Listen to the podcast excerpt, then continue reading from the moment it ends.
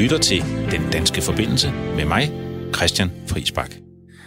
Velkommen til Den Danske Forbindelse, et udenrigsmagasin, der giver dig nyheder fra hele verden med indblik og indsigt, stemninger og lyde fra danskere, der bor, arbejder, studerer eller rejser i alverdens lande.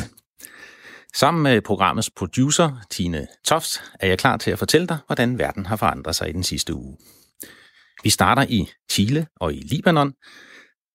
Der er store protester, og det er der også mange andre steder. Er masserne ved at rejse sig, som Karl Marx han forudsagde for 150 år siden.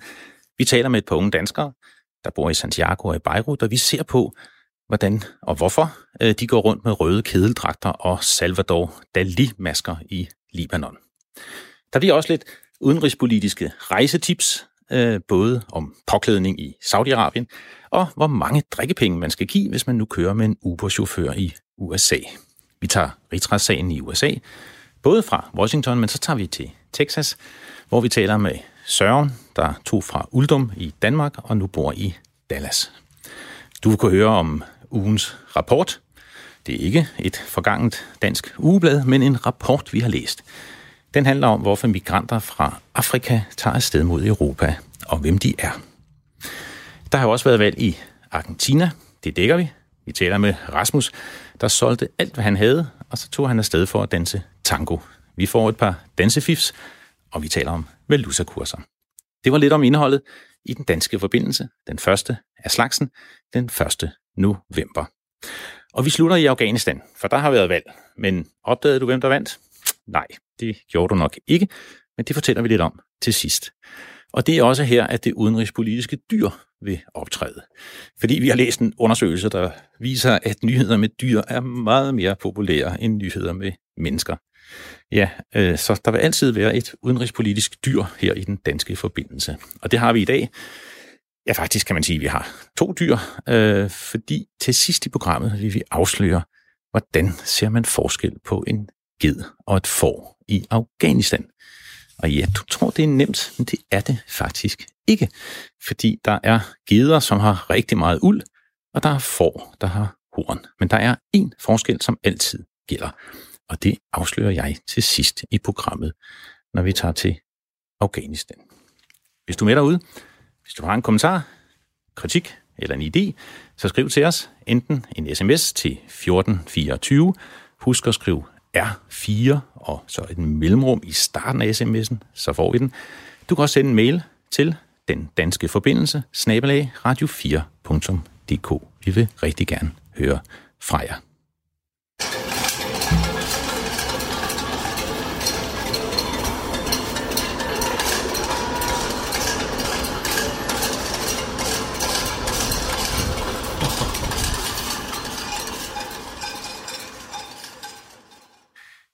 Den lyd, I lige hørte her, den har vi fået tilsendt fra Thomas Thomsen. Han bor i Santiago, faktisk meget tæt på den plads, hvor der er demonstrationer. Han har faktisk han har taget den her lydklip ud af vinduet øh, med sin telefon, øh, og ham taler med om lidt. Fordi verden oplever jo en bølge af demonstrationer.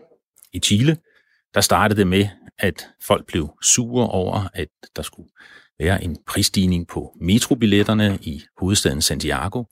I Frankrig, de gule veste, det startede jo med en afgift på brændstof. I Libanon var det en afgift på WhatsApp-beskeder. Og også i Irak har tusinder været på gaden. Over 100 er blevet dræbt. Man kan sige, at fælles for alle de her protester, det er, at det vender sig mod den politiske elite, mod korruption og ikke mindst mod den stigende ulighed, hvor de rige bliver rigere, de fattige bliver fattigere, føler de, og middelklassen står stille, eller oplever også, at det går lidt tilbage for dem. Så er verden ved at forandre sig? Er der sådan en masse bevægelse på vej? Får Karl Marx endelig ret, da han ja, for 150 år siden forudsagde menneskets fremmedgørelse i det kapitalistiske samfund vil masserne rejse sig. Der er nok ikke et enkelt svar på det. Måske er det nej, for hvert land har sin egen historie, men der sker noget i verden. Og der er jo nogle fællestræk, fordi libaneser og chilener og franskmænd, irakere, de er alle sammen utilfredse med ulighed, og de er rigtig sure på politikerne. Og et andet fællestræk er også, at de går ikke bare på gaden med sådan en leder, der går forrest. Øh, det er, der er ikke en synlig leder eller et politisk program. Det er protester, der opstår nærmest ud af ingenting, øh, og de er store, øh, og de er stærke. Vi vil prøve at følge med i den danske forbindelse. Og i dag der starter vi så i Chile. En million mennesker gik på gaden i de største demonstrationer, siden Chile fik demokrati i 1990 her i weekenden. Og også for første gang i det chilenske demokratis historie, så blev militæret sat ind øh, mod urolighederne. 7.000 er blevet arresteret, 20 demonstranter er døde. Det startede med de her metrobilletter, men det er meget bredere end det nu. Det er protester mod ulighed, mod elendige lønninger, mod dårlige pensioner, mod skolerne og sundhedsvæsenet. Det er protester over en regering, der ikke forstår befolkningens behov. Og det blev ikke bedre, da præsidenten Sebastian Piñera, han startede med at kalde det for en krig, og demonstranterne for kriminelle. Det blev de sure over, så det gør han ikke mere.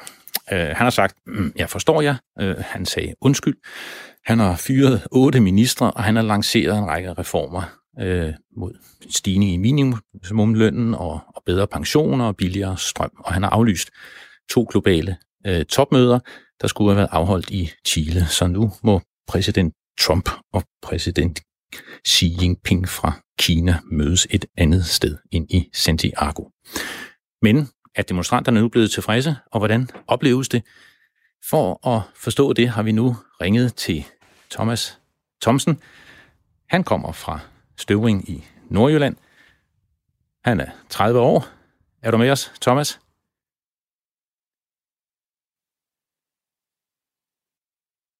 Ja, vi prøver lige at forbindelse helt til Santiago, øh, hvor vi jo skal høre lidt om øh, demonstranterne fra Thomas, der bor ja, lige midt i byen, lige der, hvor demonstranterne finder sted. Han laver ellers apps. Jeg ved ikke helt, hvorfor man tager helt til Chile og Santiago for at lave apps, men det får vi forhåbentlig også at vide fra Thomas Thomsen. Han har faktisk også sendt os nogle billeder er du med os, Thomas? Ja, hallo? Han er på vej, håber vi. Det er den første dag i den danske forbindelse, og vi prøver at få forbindelse til den store verden. Thomas har faktisk også sendt os et billede øhm, udefra. Øh, nu er han med os på telefonen. Thomas, er du med os? Ja. Ej, det var ja, dejligt. jeg er med. Ej, det var dejligt. Velkommen her til den danske forbindelse. Det er vi rigtig glade for. Jeg har lige fortalt lidt, at du tog helt fra Støvring øh, og til Santiago for at lave apps. Hvordan kunne det egentlig være? Ja, altså, øh, jeg kommer fra Støvring, men, øh, men øh, studerede i, i Aarhus, og der, øh, der mødte jeg så en, øh, en chilensk pige, som øh, blev forelsket i, og så øh, gik det, som det gik, at jeg tog til Chile for at bo med hende, og øh, vi blev så siden gift, og har så fået øh, barn nu her, efter to, års, øh, to år i Chile, så ja. Det, Ej, hvor dejligt. Tillykke med det. Det var, det var, jo, tak, jo, tak. Så det var, det var, det var ligesom kærlighedshistorien, efter jeg fik mig til at få arbejde, arbejde som, uh, som appudvikler. Jamen, sådan går det nogle gange. Men, men ja. det er dejligt at høre, at I har det godt. Men vi har lige spillet det lydklip, du sendte til os uh, af demonstrationerne. Hvad, er det blevet mere roligt nu? Ja, altså øh, nu er det jo anden uge. I øvrigt en rigtig god øh, introduktion, du kom med. Det var sådan en meget god øh, opsummering. Øh, det har jo varet i to uger, hvor det eksploderede for to uger siden med de her mange afbrændinger og, øh, og plyndringer. Og så ugen efter, så kom der så den der store, millionstore demonstration, der også omtalt. Men, øh, men nu her på anden uge, der, øh, der er det sådan mere øh, polemik og snak, og hvad, hvad gør vi så nu? Og, altså de politiske øh, skridt der skal, og reformer, der skal, der skal, der skal foretages. Øh, de helt store demonstrationer har ligesom lagt sig, og de der gryde, grydeslag, som øh, lydklippet, de, de, de, de spillede, det, det derovre. Det, folk de er sådan stille og roligt vendt tilbage til et halvt almindeligt hverdag igen. Nå, det var godt. Nu kan I sove om natten. Og, og have lidt ro med til jeres lille barn også. Ja, han har været lidt bekymret øh, med alle de her, øh, alle de her lyde og, larm, der har Ja, det kan jeg godt forestille mig. Du har sendt os et billede også øh, af sådan en mand, der står der øh, med et skilt op over hovedet, hvor der står, nu estamos en guerra, nosotros no tenemos armas. Og hvad betyder det så? Uh, ja, nu, uh, nu estamos en guerra, uh, nosotros no tenemos armas. Altså, vi er, vi er ikke i krig. Vi har ikke våben. Ja. Vi er ikke en, altså, vi er ikke en ligebyrdig uh, fjende i forhold til en krigsanalogi. Men øh, altså det, det er jo som den, også du nævnte i introduktionen med, at øh, Sebastian Pinetta i, i en, øh, en tale få dage efter, at øh, det her uroligheder, de startede, sagde, at øh, vi er i krig mod en meget handlekraftig øh, fjende, som så henviste de her mange øh, mandaler, jeg måske kalde dem, dem der har sat ind til ting og plyndret. Øh, og at det er så, øh, det er så øh, spredt øh, i hele byen, alle de her plyndringer. Så det, det er svært ligesom at, at få, få greb om dem. Ja. Øh.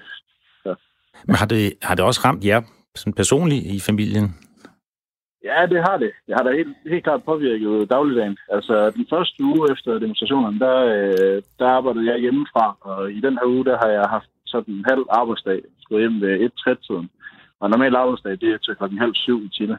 Ja. Øhm, fordi at der simpelthen har været de her uroligheder, det har ikke været forsvarligt at, at, at, at begive sig ud senere. Øh, og så har det også, øh, for eksempel, så har vi jo en del lægebesøg med vores øh, søn, men eftersom at de fleste ting, inklusive øh, klinikker så de lukker ved trætiden, så, øh, så har vi skulle flytte tider. Ja. Og så har det også været for, for min kones øh, far, som er dialysepatient, øh, har, har kun fået halv øh, dialyse. Oh, oh. Øh, så, så jo, det er helt klart påvirket. Ja, jo, det, det, det har det også. Jo, altså, men jeg ser også øh, supermarkeder. Mange supermarkeder har været lukket rigtig lang tid, så det har taget... Øh, når kone var til den sidste, så tog det øh, tre timer. Jeg stod halvanden time i kø udenfor. Jeg skal så bevæge noget øh, politi og sådan noget inde i butikken. Og, ja, ja. og folk, de øh, er desperate. ja. Men din kones familie, hvad, hvad siger de egentlig? Er, er der nogen af dem, der har været på gaden? Nej, altså, jo, det er både over, de, de, har, de har gjort deres øh, mening til kende ved de her øh, gryder. Det hedder, øh, hvad hedder det, øh, ja. øh, protesters øh, Pacificas, altså, hvor, hvor, de, hvor de banker på, på gryder, men de har ikke været med ude i selve øh, de her store demonstrationer. Men, men de kan ikke klart se, øh, altså, de, de er så fra, de kan, de kan huske Pinochets og, og kan se mange ligheder med, med det, der sker i øjeblikket, med, med hvordan folk de går op. Ja.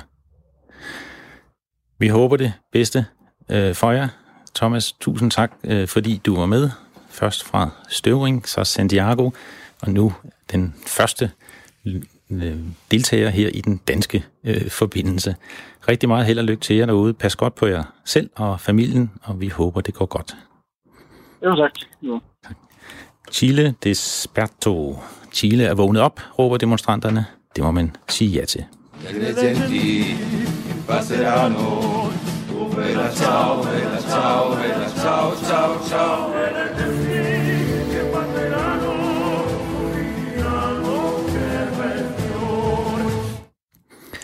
Den sang, I lige hørte her, det er Bella Ciao.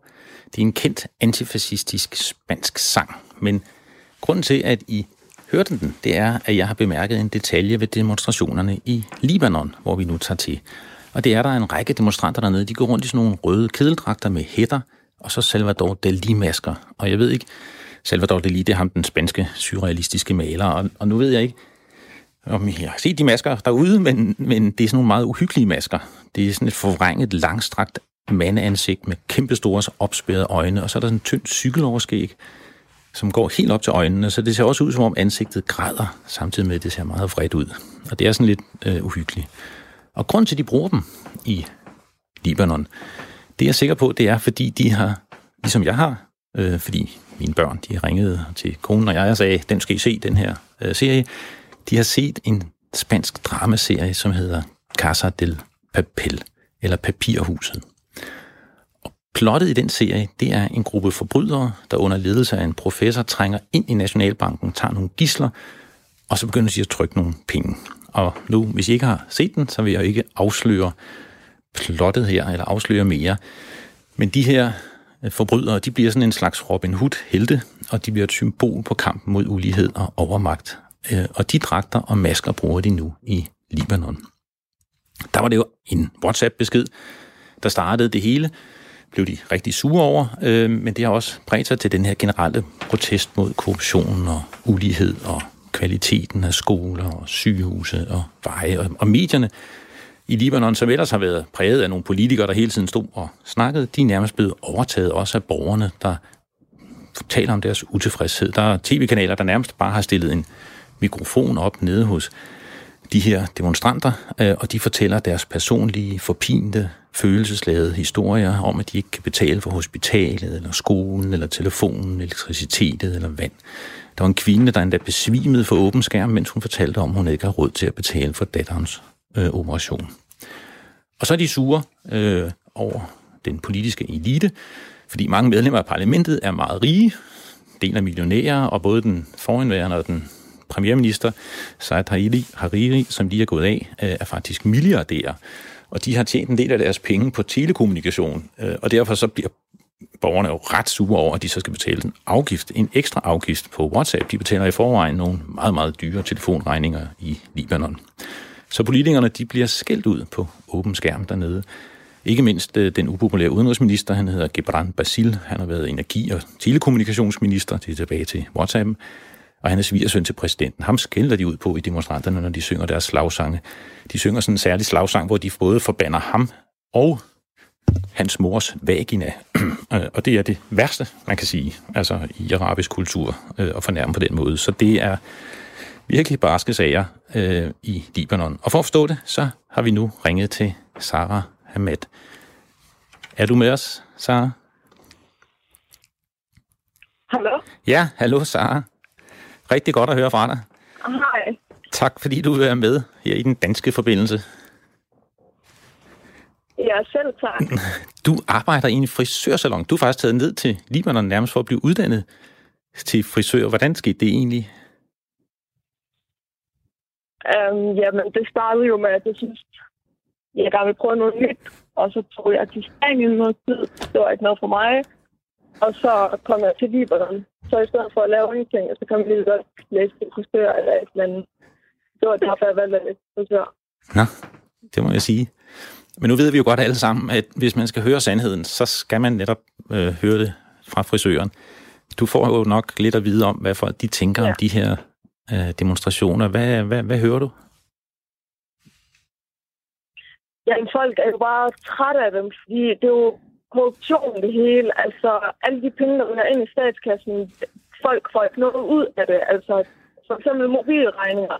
Det er jo noget af det dyreste, det, jeg har oplevet i forhold til, at jeg boet i Danmark, og i Danmark er det dyrt i forhold til hernede. Ja. Men øh, så har noget i Danmark, der tanker vi taletid. Har noget, skal du tanke bag på, for at dit kort det ryger. Altså ja. dit SIM-kort. Ja. Um, og så kommer den der ekstra gebyr med, at man skal betale 6 dollars for et WhatsApp-opkald. Og kommunikationsmåden hernede, det er jo på WhatsApp. Ja, 6 cents tror jeg dog, det var. Men, Um, men det er rigtigt. Det, nej, de, de sagde, det var 6 dollars, og så vil de lave det til 6 cents igen. Og, åh, og folk bliver lidt trætte af dem, ikke? det kan man da godt forstå. Ja, Ja. så det, det synes jeg, at alle, altså, Og det, de alle er imod dem. Der er ikke nogen, der, har, der står med det. brokker de sig, når de sidder der og bliver klippet. Ja, de bruger sig konstant, ja. men det er også forståeligt. ja. Det er det jo. Ja, men det er da forståeligt. Og især når man så ved, at de er blevet rige øh, i regeringen af at, at være til Ja, det er jo millioner af dollars, vi snakker om. Altså, Ja, hvis en, en, en premierminister i et land kan tilbyde en amerikansk øh, model øh, 16 millioner dollars for at bare være sammen med ham, ja, øhm, ja så, så, er kan man der, se, hvor korrupt det er. så er der noget galt, ja. Har du set de der masker, jeg omtalte? De der... Det er millioner. Øh, Casa, det er La Casa de Papel-masker. Ja, Ja, det går de ikke med hernede. De render og laver herværk. ja. Og det er fordi, de har, Øhm. de har set den der serie der. Ja, lige præcis. Ja. Øhm, de går og laver herværk, og hvis at ansigter bliver set på tv, Nå, så kommer regeringen efter dem. Og Ja. når de kommer efter dem, så betyder det, at de mister deres job, og Ja, det hele. Ja. Der er ikke sket Derfor noget for dig. de. Der er jo ikke sket noget for dig forhåbentlig, eller Nej. frisørsalongen. Nej, Nej. det var godt. Men hvad der være, så har vi blevet klogere. Øh, Det bliver man altid af at tale med en frisør. Øh, Tusind tak, øh, fordi du vil være med. Og held og lykke dernede. Ja, selv tak. Selv tak. Tak skal du have. Hej igen. Igen, hvis du har en kommentar eller en idé, så skriv til os en sms på 1424. Husk at skrive R4, og så den mellemrum, og så skriver du beskeden, så får vi den. Eller en mail til den danske forbindelse i et ord uden mellemrum, snabelag radio4.dk. Vi vil rigtig gerne høre fra os, eller fra jer. Men Libanon, balladen. Libanons premierminister Said Saad øh, Hariri, han gik af her i tirsdags. Øh, nu skal de finde en ny. Det bliver ikke nemt, fordi det er jo meget indviklet i Libanon. Alle de religiøse grupper skal have nogle bestemte poster. Parlamentet skal bestå af både kristne og druser og muslimer, og præsidenten skal være kristen fra den maronitiske kirke endda. Formanden i parlamentet skal være shia-muslim, statsministeren skal være sunni-muslim. Så det er svært at få til at gå op i Libanon, men vi holder øje med det, og vi vil også følge Salvador Dali, maskerne og de røde kedeldragter, og sangen Bella Ciao fra Netflix-serien Casa de Papel. Vi vil se, om det breder sig og bliver et symbol på utilfredsheden eller tau, eller ciao, eller tau, tau, tau.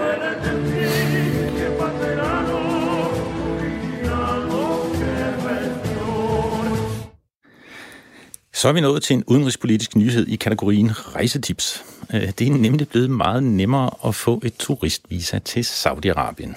Det er en lille god nyhed fra det ellers dybt konservative land, som jo mest er berygtet for at krænke selv de mest grundlæggende menneskerettigheder.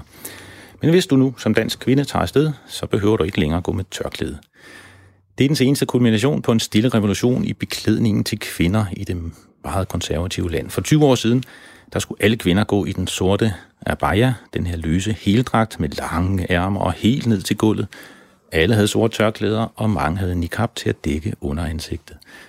I nullerne, så begyndte det så at ændre sig. Der kom farvede abayaer med matchende tørklæder. Og så omkring 2010, så begyndte de at blive lidt mere figursyede. Der kom endda et bælte her og der. Rigtig vildt.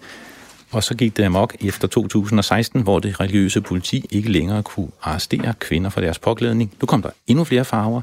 Tørklædet hang mere løst, endda rundt om halsen, i stedet for over håret.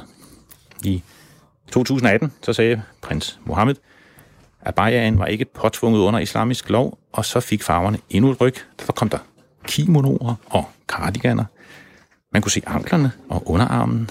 Man kunne se kvinder, der jogger sammen på gaden med løse heldragter, kasketter eller lyserøde tørklæder. Og i en koncert her i Jeddah for nylig, der blev der set kvinder, der sad på skuldrene af deres mænd med løst hår og farverige, løst hængende abayas, der endda var åbne, så man kunne se deres tøj. Uha, uha. Og måske, hvilket så er vigtigere, i for kvinderne i Saudi-Arabien, så kan de nu rejse frit uden en mand. De kan køre bil, de kan arbejde i selv i hæren og politiet. Og der er langt flere kvinder, der nu kaster sig ud på arbejdsmarkedet. Det er jo da en god nyhed. Men hvis du som kvinde vil ned og besøge Riyadh, du behøver ikke tage tørklæde på. Du skal klæde dig beskedent, som det hedder. Det er ikke dine knæ og skuldre, men du kan også bo alene på et hotelværelse, og ugifte par kan nu endda bo på det samme hotelværelse. De går da helt amok dernede i Saudi-Arabien. A total now of 49 people have been killed. Well, Greenland, I don't know, it got released somehow. It's just something we talked about. Denmark essentially owns it. И люди в Африке, либо во многих азиатских странах хотят жить на таком же уровне достатка, как и в Швеции. Across the world, in dozens of countries, protesters have taken to the streets.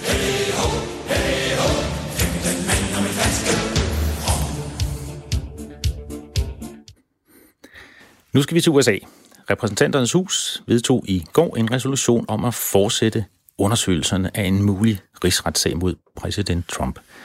I stedet for de lukkede høringer, så bliver der nu åbne høringer, og så laver man en rapport. Den sætter man så til retsudvalget i kongressen, og så skal de beslutte, om der skal indledes en egentlig rigsretssag. Kernen i sagen, det er det her med, har Trump forsøgt at presse en fremmed magt, Ukraine, til at blande sig i det amerikanske valg og finde belastende materiale, der kan skade demokraterne, og især den tidligere vicepræsident Biden, og gavne præsident Trump, når han prøver at blive genvalgt her næste år.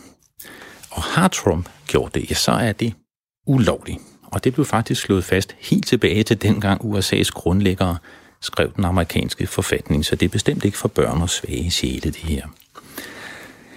Den sidste par uger har ikke været så gode for præsidenten. Den fungerende stabschef, Mike Mulvaney, han talte over sig til en pressekonference og indrømmede, at de havde tilbageholdt noget militærstøtte til Ukraine for at få noget til gengæld.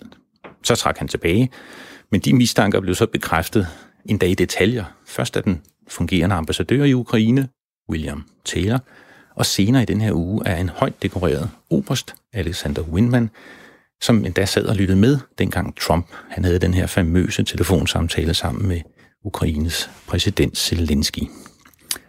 Den politiske retorik bliver hårdere og hårdere.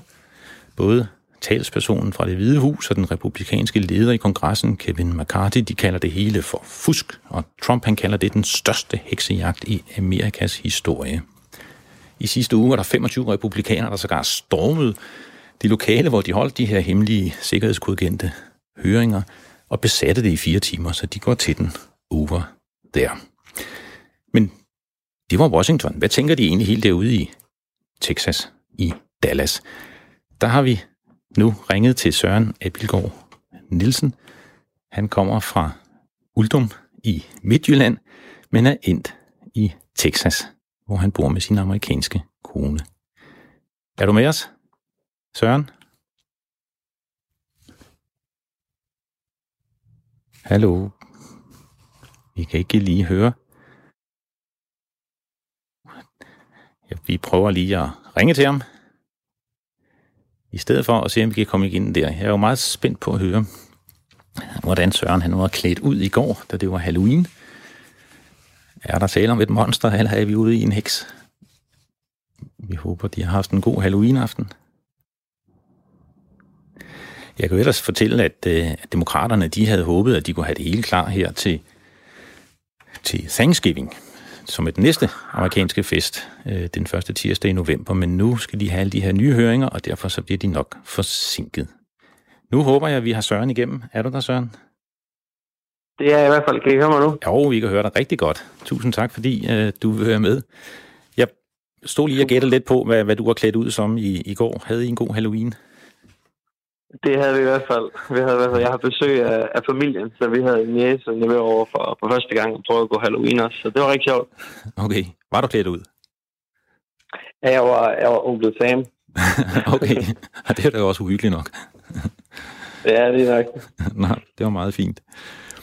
Men du skal lige fortælle os igen, hvordan, hvordan var det, du er endt hele derovre fra Uldum og til Dallas? Der er der lige godt et stykke. Hvordan var det, du kom derover? Det er et stykke vej, ja.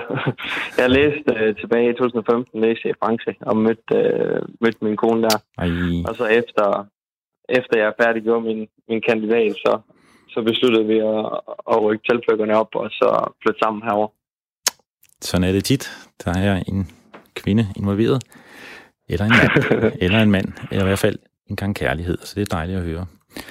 Men, men fortæl os lidt, fordi uh, altså Texas, det, det, kender, det, det tænker vi jo her i, uh, i Danmark, det er sådan et rep, rigtig republikansk uh, kerneland. Hvad, hvad siger de om rigsretssagen der?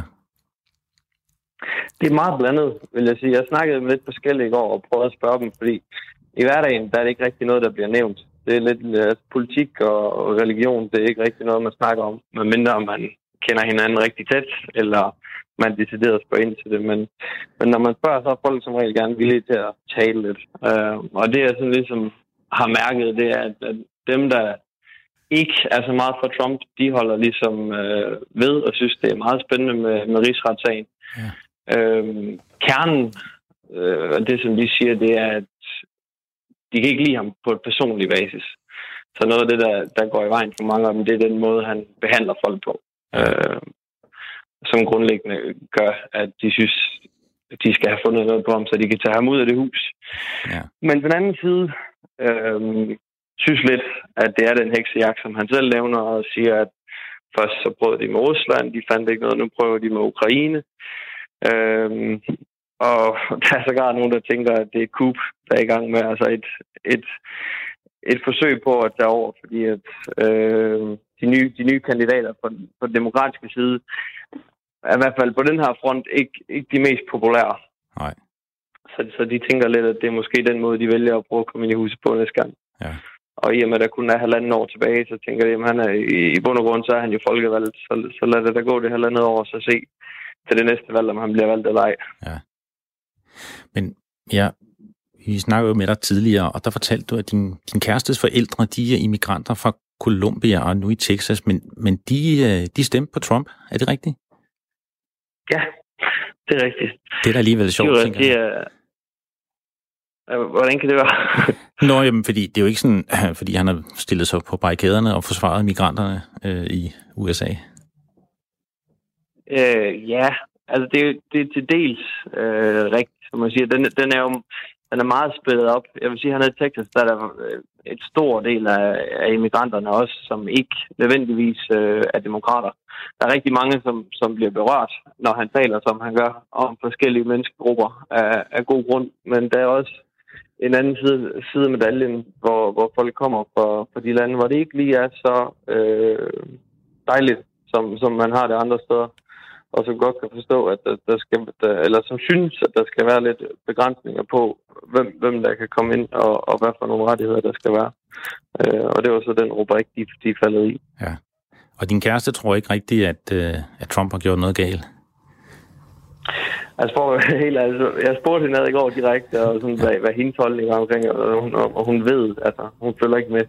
Nej. Så det er ikke... Øh, igen, igen så er den holdning også lidt, der sker så meget, og der er altid en ny sag om, hvor dårlig han er, og hvor ond han er. Ja. Øh, så jeg tænker lidt, at hvis der kommer noget frem, så kommer det jo frem, og så tager folk en, en holdning. Altså dem, som øh, synes, synes han, er, han er fin, så, så tager de en beslutning til den tid, men inden det ligesom kommer frem med, med endelige facts og, og argumenter for, hvad der er sket, så, så tror jeg, folk de har for travlt til at følge med i hverdagen. Ja. Er, er man bange for, at der ligefrem kan blive uroligheder, hvis han skulle gå hen og blive dømt? Altså, du, det her Trump selv har sagt også netop, at det her det er et kup. Øh, hvad, hvad tænker du Ja. om det? Det tror jeg ikke. Altså, det tror jeg ikke. Altså, hvis- hvis han bliver dømt, altså, der, der er trods alt så, så forholdsvis fornuftig infrastruktur herovre, at hvis det skulle ske, så, så, så sker det selvfølgelig også fredeligt. Uh, selvfølgelig vil der være meninger og holdninger, men jeg tror ikke, det Nej. er ikke noget, der, der, der kommer til at, at gå, gå, gå voldeligt ned. Nej. Alle har jo ellers et øh, gevær lidt at være. Det har du jo også hørt. Jeg, jeg hører, du går lidt på jagt. Det, det gør jeg jo også. Jeg må lige høre, har du været Nej. ude? jeg har ikke været jo, men, men, men Nå. jeg går lidt på jagt Nå, okay. ja, med, med venner. Så, så det, det er meget sjovt. Ja. Der kan man bare se.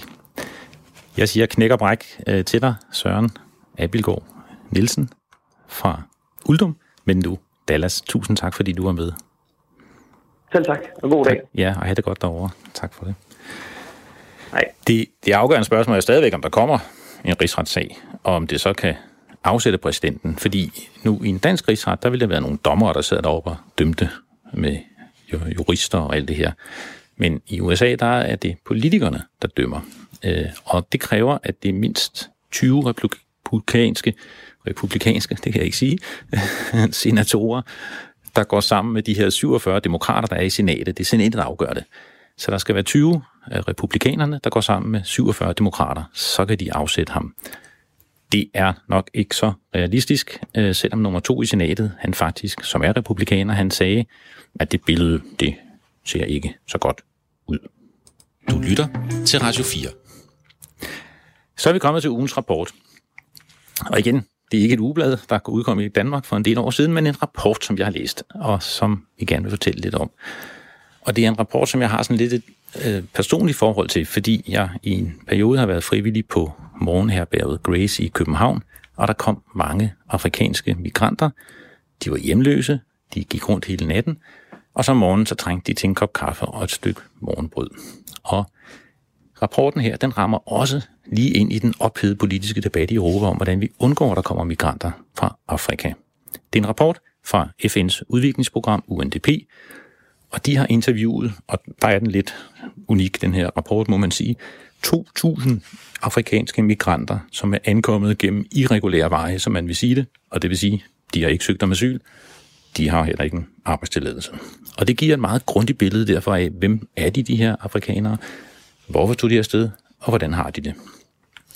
En af de ting, der overraskede mig, da jeg læste den, det er, at det ikke er de fattigste eller de arbejdsløse, der tager afsted. Faktisk så havde næsten 6 ud af 10 af dem, der, er, der pakker det hele og tager afsted mod Europa, de havde et arbejde, eller de var i gang med at studere, før de tog afsted. Og mange af dem fik endda sådan en okay løn, og de var bedre uddannet end dem, der blev derhjemme. Men de tager alligevel i sted, afsted, fordi de håber, de kan tjene mere i Europa. For mange af dem, der lykkes det. De tjener næsten tre gange så meget i Europa, som de kunne i Afrika, og så sender de en stor del af lønnen hjem til deres familier. Og det interessante er også i rapporten, at faktisk så de kvinder, der kommer til Europa, de tjener mere end mændene. Der var det modsat derhjemme. De tjente meget mindre end mændene hjemme i Afrika, i de lande, de kom fra, men de tjener bedre, når de kommer til Europa. Og det er pengene, der er det afgørende. Som en af dem, Drissa hedder hun, siger det, det var alt sammen for at tjene penge. Jeg tænkte på min mor og min far, på min store søster, min lille søster, og på at hjælpe dem. Det var det pres, jeg lagde på mig selv. Det var derfor, jeg tog til Europa. En stor del af dem var der også frustreret over, at de ikke kunne påvirke det land, de var i. Øh, de ikke kunne forandre deres eget liv, og det var også den frustration, de kunne gjorde. De sagde, nu, nu tager vi afsted mod Europa. Langt de fleste, de var i meget stor fare, eller i hvert fald i fare undervejs på rejsen, og de blev udsat for overgreb, mange af dem. Kvinderne også for seksuelle overgreb. Men alligevel, og det synes jeg godt nok er overraskende, så siger 98 ud af 100, at de vil gøre det igen. Selvom de ved, hvor farligt det er at kæmpe sig hen over Sahara og i en båd hen over Middelhavet, eller hvordan de nu er kommet. Det er kun, altså med andre ord, det er kun to af dem ud af 100, der siger, at de ikke vil tage afsted igen. Det synes jeg er overraskende, især når man hører om det er mange, der mister livet øh, undervejs. Rapporten viser også, at mange af dem rigtig gerne vil hjem igen. De føler sig ensomme, de savner deres familie. Det oplevede jeg også med mange af dem, der var på herrebadet, når man snakkede med dem, så kom de hen og viste billedet på mobiltelefonen af deres familie derhjemme, og dem savner de. Men der er mange af dem, der ikke vil hjem, fordi de synes, det er pinligt. De har fået økonomisk hjælp til at tage afsted, og de synes ikke, de har tjent penge nok endnu. Så derfor er det faktisk lidt om det, hvad man kunne tro. For dem, der gerne vil hjem, og dem, der tager hjem, det er succeshistorien. Det er dem, der får et arbejde. Nogle af dem får måske endda en arbejdstilladelse. De tjener gode penge, og så tager de hjem igen til den familie, de savner. Mens dem, der ikke har et stærkt netværk derhjemme, og som mislykkes lidt på deres rejse til Europa, de bliver her. Rapporten, den hedder Scaling Fences, altså kravl over hegnet, stemmer fra irregulære afrikanske immigranter i Europa. De kravler stadig over hegnet. Nu ved vi lidt mere om, hvorfor.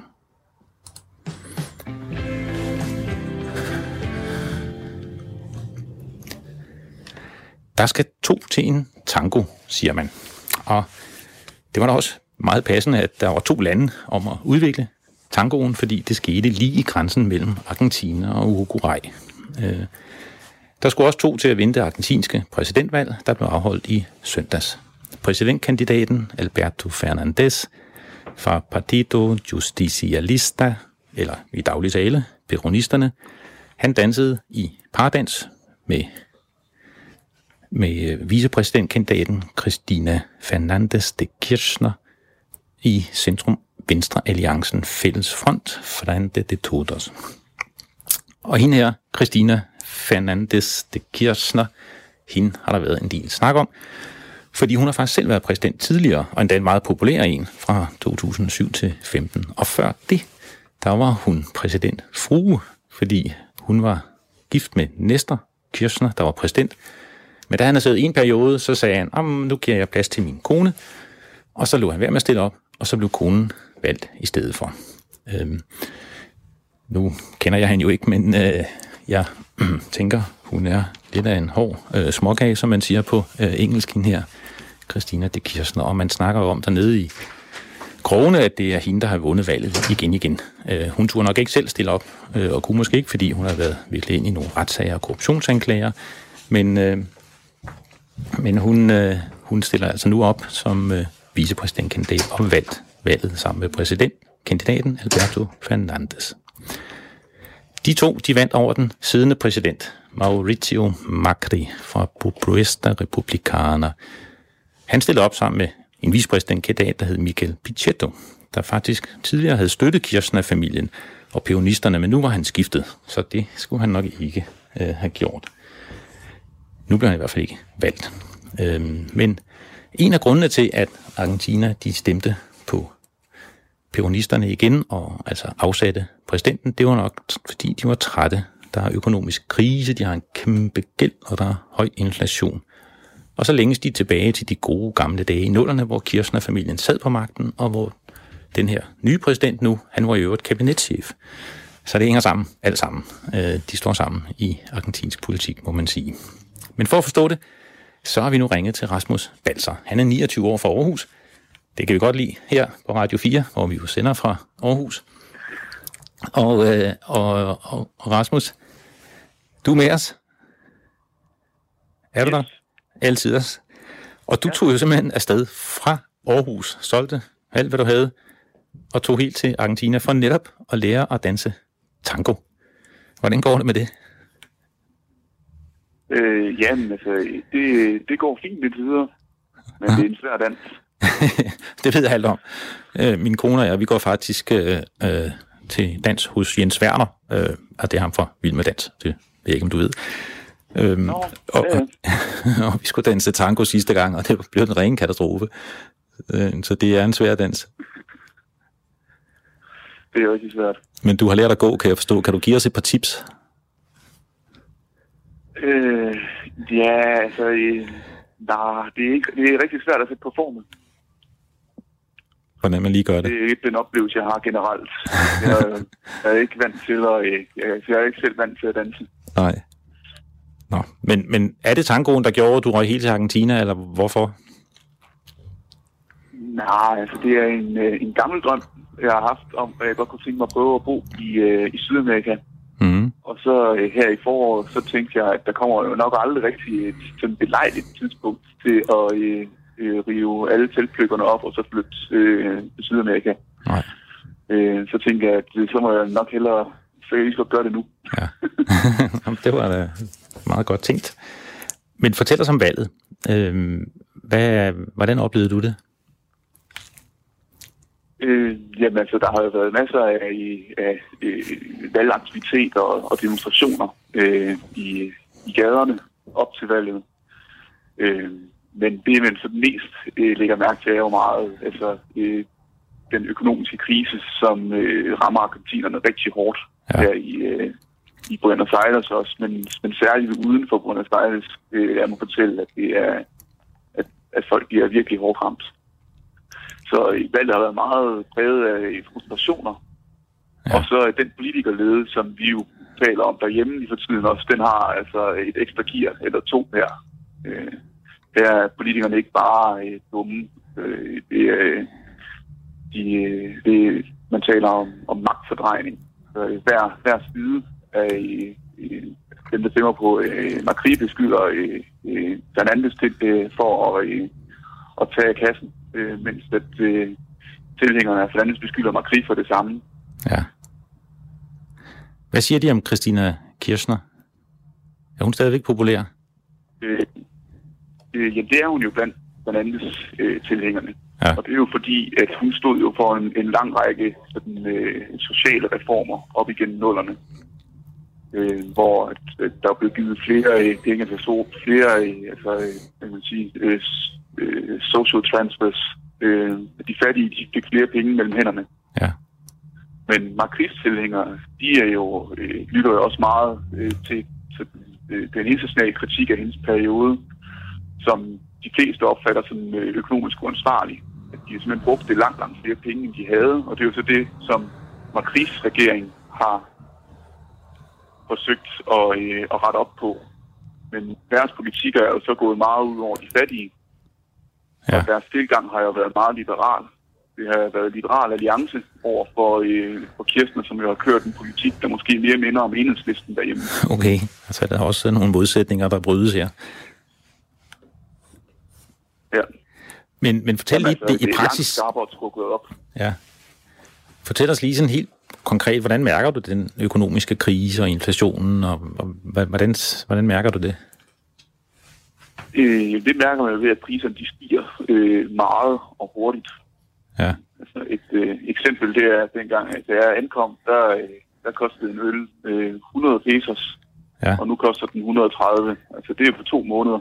Uh. Det vil svare til, den øl i Nyhavn, øh, den vil koste, til, altså vi stiger fra 50 kroner til 65 kroner, altså på en måned. Det er jo en alvorlig sag, det kan jeg et år. Også øh, den, den offentlige transport, Ja. eksempelvis, er steget rigtig meget. Jeg tror, at øh, det kostede 9 pesos at køre med undergrundsbanen i, øh, jeg tror, i januar, har jeg lavet mig fortælle. Ja. Så koster det 19 pesos nu. Ja. Så hvis man nu skulle køre fra Aarhus til København, så øh, ville det i løbet af et år stige fra 400 kroner til 850 kroner derhjemme. Ja. Og det er noget, folk taler om. Det er noget, folk taler om. Ja. Og det er noget, man virkelig kan mærke, fordi for mig er det jo fedt. Øh, eller sådan, fordi pesoen, den falder jo også i øh, valutakurs. Og du har, Så, ikke øh, noget, du har ikke noget at veksle alle dine penge. mere- Nej, nej. det, det har jeg gudskelov ikke. Nej. Og trygt og godt hjemme i Danmark. Ja. Øh, Du fortalte også, at på en restaurant, der, der, der, der må de redigere menukortet sådan rimelig ofte. ja, jeg har lidt ondt af serviciserne. Jeg gætter på, at det er også samme i supermarkederne. Ja. Øh, de sidder jo altså på ugentlig basis og skal ændre øh, priser i menukortene. Ja. Og især de der øh, altså, øh, øh, thai-restauranter, øh, som jo har øh, 1500 øh, øh, forskellige menuer, man kan bestille. Der er det altså et stort arbejde at sidde og ændre priser på den hver gang. Ja, men det er en meget, det er en meget konkret måde at mærke en økonomisk øh, krise på. Men, men nu tænker folk, nu, nu bliver det bedre. Det, er der, det, det var alligevel en rimelig sikker valgsejr, ikke? Jo jo, altså, øh, men altså man kan sige, at øh, ja, øh, det er jo også meget splittet. Altså, øh, hvor tilhængerne med krig, de har jo simpelthen øh, hoved, eller hænderne op øh, i ansigtet, altså tager sig til hovedet. Ja. Mens den anden tilhænger, de tror jo på, at nu bliver tingene bedre. Ja. Og det er jo fordi, at de, øh, de mener jo, at Macri, han har jo brugt alle statens penge på at give skattelettelser til de rige. Ja. Og nu kommer øh, Fernandes og øh, sørger for, at øh, der kommer øh, balance i økonomien ved at hæve skatterne for de rige igen og give nogle flere penge til de fattige. Ja. Rasmus, tusind tak, øh, fordi øh, du var med. Øh, jeg håber, at du kommer hjem til Danmark. Jeg ved ikke, om du snart kommer hjem, men at jeg så kan få et par tango fifs. Ja, jamen, du ringer bare. ved du, hvornår du kommer hjem? Nej, det ved jeg ikke. Jeg Nå. har ikke, øh, jeg har ikke nogen billet hjem. Du må have rigtig held og lykke med tangoen og med Argentina. Igen, Og tillykke med jeres fine program. tak skal du have. Tak fordi du vil være med. Og hvis du har en kommentar, skriv til os. En sms 1424. Husk R4 først. Øh, R ligesom radio, og 4, og så et mellemrum. Og så skriver du, hvad du gerne vil, så får vi den. Og du kan også sende en mail til den danske forbindelse, snabelag radio4.dk. Den nye præsident i Argentina, Fernandes, han er jo en aktiv amatørmusiker. Og han er kendt for at lægge sådan nogle YouTube-videoer ud, hvor han sidder og spiller sammen med forskellige rockmusikere. Øhm, så måske kan han også spille en tango for to og for Argentina.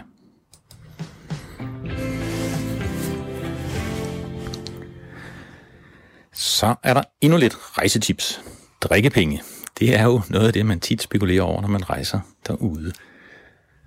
Nu kan man ikke køre Uber i Danmark, jo, men der skal vi køre taxa. Men øh, vi er et udenrigsprogram, og så derfor vil vi hjælpe jer med at finde ud af, hvor meget skal man give i drikkepenge, hvis man nu tager til USA og kører med en Uber-chauffør.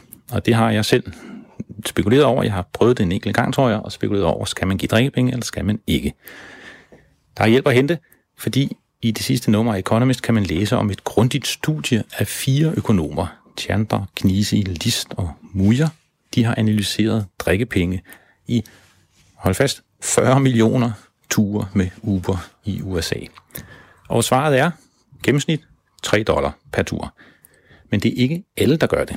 Der er faktisk 6 ud af 10, der er rimelig nære i, de giver alt drikkepenge til en Uber-chauffør. Øh, så vælger du den strategi, så er du ikke den eneste. Men der er også 1 ud af 100, der altid giver drikkepenge. Så der kan du komme med i en eksklusiv klub, hvis du gør det. Og det viser sig faktisk, man tror, at drikkepenge bliver givet, fordi chaufføren har gjort det godt, men det er faktisk mere passageren, der afgør, om der bliver givet drikkepenge. Mandlige passagerer er for eksempel mere gavmilde end kvinderne. Eller måske er det mændene i USA bare rigere, men de giver i hvert fald mere i drikkepenge. Hvis du giver drikkepenge, så får du en god karakter af chaufføren, viser det her studie også. Og det kan man faktisk godt bruge til noget. Fordi det er jo ofte sådan, at øh, chaufførerne, og jeg har selv oplevet, at man kan holde et sted og vente på en Uber, og så, bum, så melder han lige fra, og så tager han en anden. Og det kan være, fordi han opdager, at der står en anden passager et andet sted med en højere score, og så tænker han, da der kan jeg få nogle drikkepenge, og så kører han hen og henter ham i stedet for. Så det kan godt betale sig faktisk at give drikkepenge, viser øh, studiet også. Men det er passageren, der meget afgør det, men Uber-chaufføren betyder også noget for, om der falder drikkepenge. Kvinder, kvindelige chauffører, og især unge kvindelige chauffører, de får flere drikkepenge, kan man se. Chauffører, der bremser op eller kører for stærkt, de får færre drikkepenge. Og det er jo faktisk meget fint. Man skal køre ordentligt. Det betaler sig. A total now of 49 people have been killed. Well, Greenland, I don't know, it got released somehow. It's just something we talked about. Denmark essentially owns it. И люди в Африке, либо во многих азиатских странах хотят жить на таком же уровне достатка, как и в Швеции. Across the world, in dozens of countries, protesters have taken to the streets.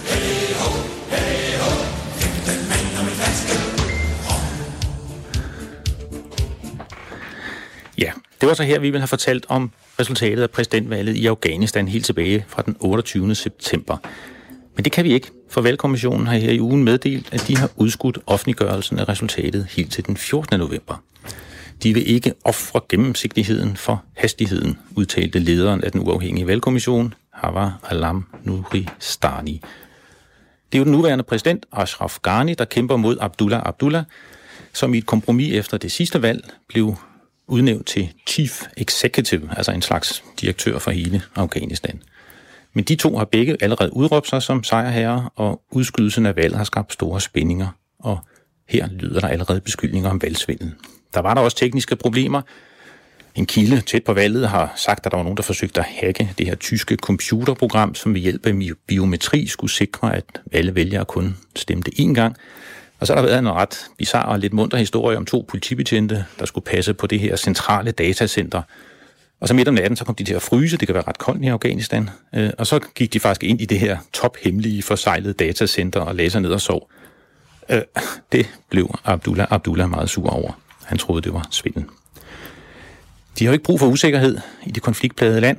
Der blev 85 afghanere dræbt og 373 såret øh, i forbindelse med valget.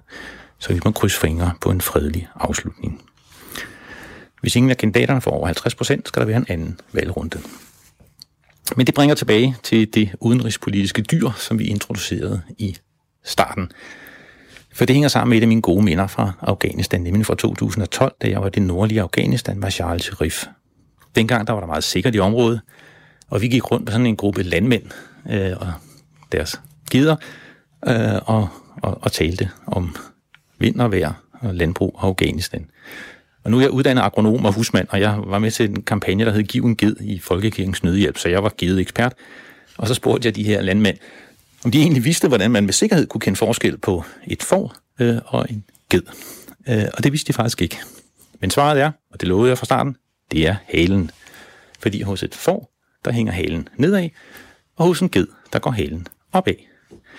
Og da jeg så sagde det til de her afghanske øh, landmænd, så grinede de i 10 minutter, og det blev sådan en rigtig munter og positiv oplevelse. Øh, og den husker jeg. Men i dag er det desværre blevet meget farligt og usikkert deroppe i Mashar Sharif, hvor Taliban også herover. Øh, men det er Afghanistan med sikkerhed, håb og gang i gedeproduktionen. Det håber jeg, vi snart får se igen. Det var den danske forbindelse. Tak fordi I lyttede med på vores første program på Radio 4. Det er produceret af Tine Toft. Jeg hedder Christian Friis Bak. Vi er tilbage om en uge kl. 14.05. Husk, du kan finde os også på podcast på Radio 4's hjemmeside. Husk at skrive til os, hvis du vil, 1424 R4 mellemrum besked eller den danske forbindelse snabelag radio4.dk. Tak fordi I var med.